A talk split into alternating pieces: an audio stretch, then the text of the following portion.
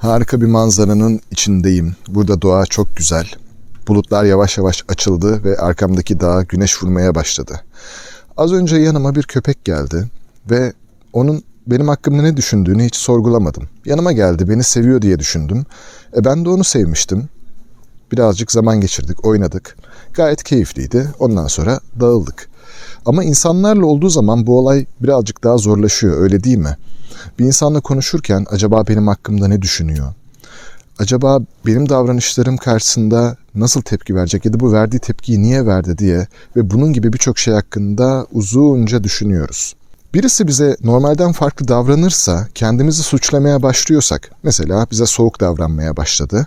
Ya ben ne yaptım da acaba bu soğuk davran diye sorguluyorsak işimiz birazcık daha zorlaşıyor. Bir danışanım bana şöyle bir şey anlatmıştı.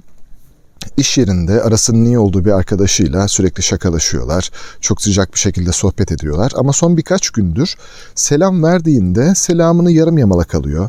Birbirleriyle karşılaştıkları zaman birbirlerine laf atarlarmış, şakalaşırlarmış. Böyle laf atıyor, espri yapıyor, yarım ağızla gülüyor, tam cevap vermiyor ve bunu içine dert etmiş. Acaba ben ne yaptım, ben ne yaptım da böyle yaptı diye kendini yiyormuş. Ben de dedim ki git ona sor sor. Bir sorun var mı? Yani iyi misin? Bir şey mi var? Hatta çok da ileri gitmek istersen ben bir şey mi yaptım diye sor. Bunun bir adı var. Düşünce okuma hatası dediğimiz bir şey bu. Kısaca şöyle özetleyebilirim. Başkasının düşüncelerini kesin böyle düşünüyordur diye onun adına karar vermek. Yani onun adına bir çıkarım yapmak. Ama biz onun düşüncelerini okuyamıyorsak gerçekten ne düşündüğünü bilemeyiz.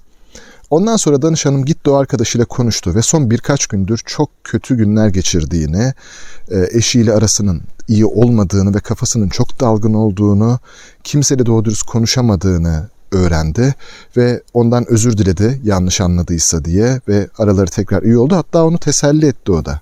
Arkadaşlıkları daha da iyi oldu. Açık bir iletişimleri oldu. Burada duru görü ya da düşünceleri sezmeden bahsetmiyorum. Bakın bu ayrı bir konu. Başkasının adına karar vermekten, olmayan düşüncelerle kendimizi bunaltmaktan bahsediyorum. Eğer sen de böyle sorunlar yaşıyorsan açıkça konuşmak, iletişim kurmak, ne olduğunu anlamaya çalışmak yapacak en iyi şey.